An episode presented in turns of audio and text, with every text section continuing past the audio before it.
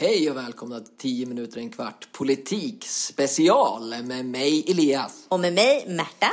I den här specialserien om politik intervjuar jag och Märta en representant från varje svenskt riksdagsparti. Syftet är att du ska få en bild av vad de olika partierna står för och tycker om den svenska skolan. Exakt så. Och nu kör vi.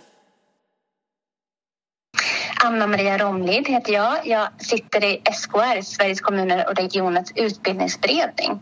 Och annars så är jag oppositionsråd för Vänsterpartiet i Västerås. Hej och tack! Jag tänker dra igång med frågorna direkt och jag undrar vad som är det viktigaste just nu för svensk skola att fokusera på. Nämn två saker. Ja, nej men jag tycker att det viktigaste att fokusera på just nu är att alla barn ska ha en bra skolgång och samma möjligheter att lyckas i skolan oavsett vilken bakgrund de har eller vart man bor. Så med det sagt så skulle jag säga, säga satsa på kunskapsutveckling och likvärdighet. Okej. Okej, och hur anser ni på Vänsterpartiet att man ska lyckas minska lärarnas administrativa börda? Eh, jag tror att det är väldigt viktigt att bland annat öka personaltätheten. Eh, personalen behöver befrias från onödig byråkrati och garanteras tid för planering och kompetensutveckling. Men det är också viktigt att se till att det blir färre elever per mentor och också att man sätter in fler kompetenser i skolan som kan finnas till eh, för viktigt arbete bland, både psykosocialt men också administration. Just det. Vad är er viktigaste åtgärd för att öka PISA-resultaten? Jag tror att en av de viktigaste åtgärderna det är ju att eh, både öka resurserna till skolan men också fördela de här resurserna mer jämlikt. Eh, det är viktigt att man har rätt förutsättningar i klassrummet men också att det finns ett starkt psykosocialt stöd. Okej. Och när anser ni att eleverna ska få sina första betyg? Och här får du gärna motivera lite grann. Mm.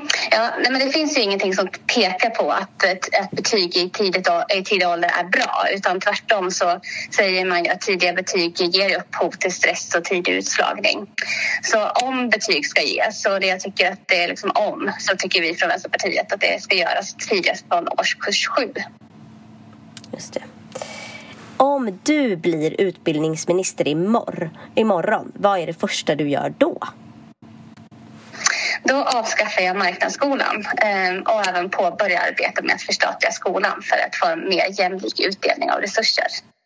Ja, och då kommer vi till nästa fråga då, som är lite på samma tema som ditt svar här. Då. Och det är, hur tycker ni inom Vänsterpartiet att den stora klyftan mellan friskolekoncernernas miljardvinster och kommunernas besparingskrav ska hanteras? Mm, ja, men precis. Det var ju det som jag var inne på innan. Så att jag, vi tror att det är avgörande att marknadsskolan avskaffas. Vi ser det ju som, jag som kommunpolitiker ser ju verkligen att det är förödande för kommunen att vi skär ner på skolbudgetarna samtidigt som många skolkoncerner gör stora miljardvinster. Men en snabb insats det är ju bland annat att se över skolpengssystemet och bland annat kanske ändra till klasspengar istället för elevpeng som det är idag.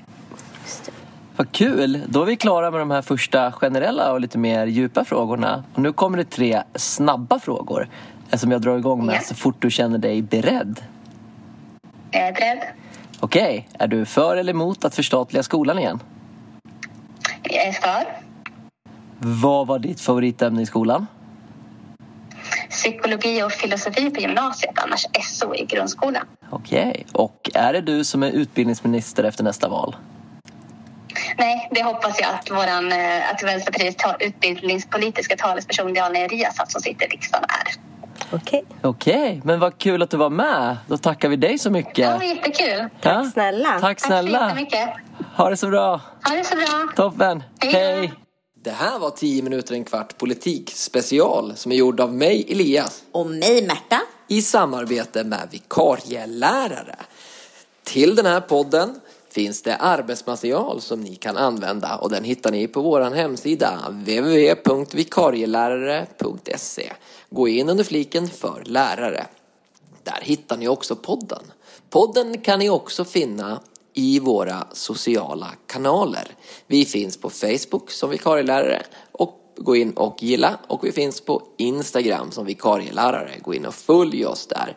Både på Facebook och Instagram finns vi också som Kunskapsbanken eller som Lärarnas kunskapsbank. följ och bli medlem. Ha det så bra. Hej då!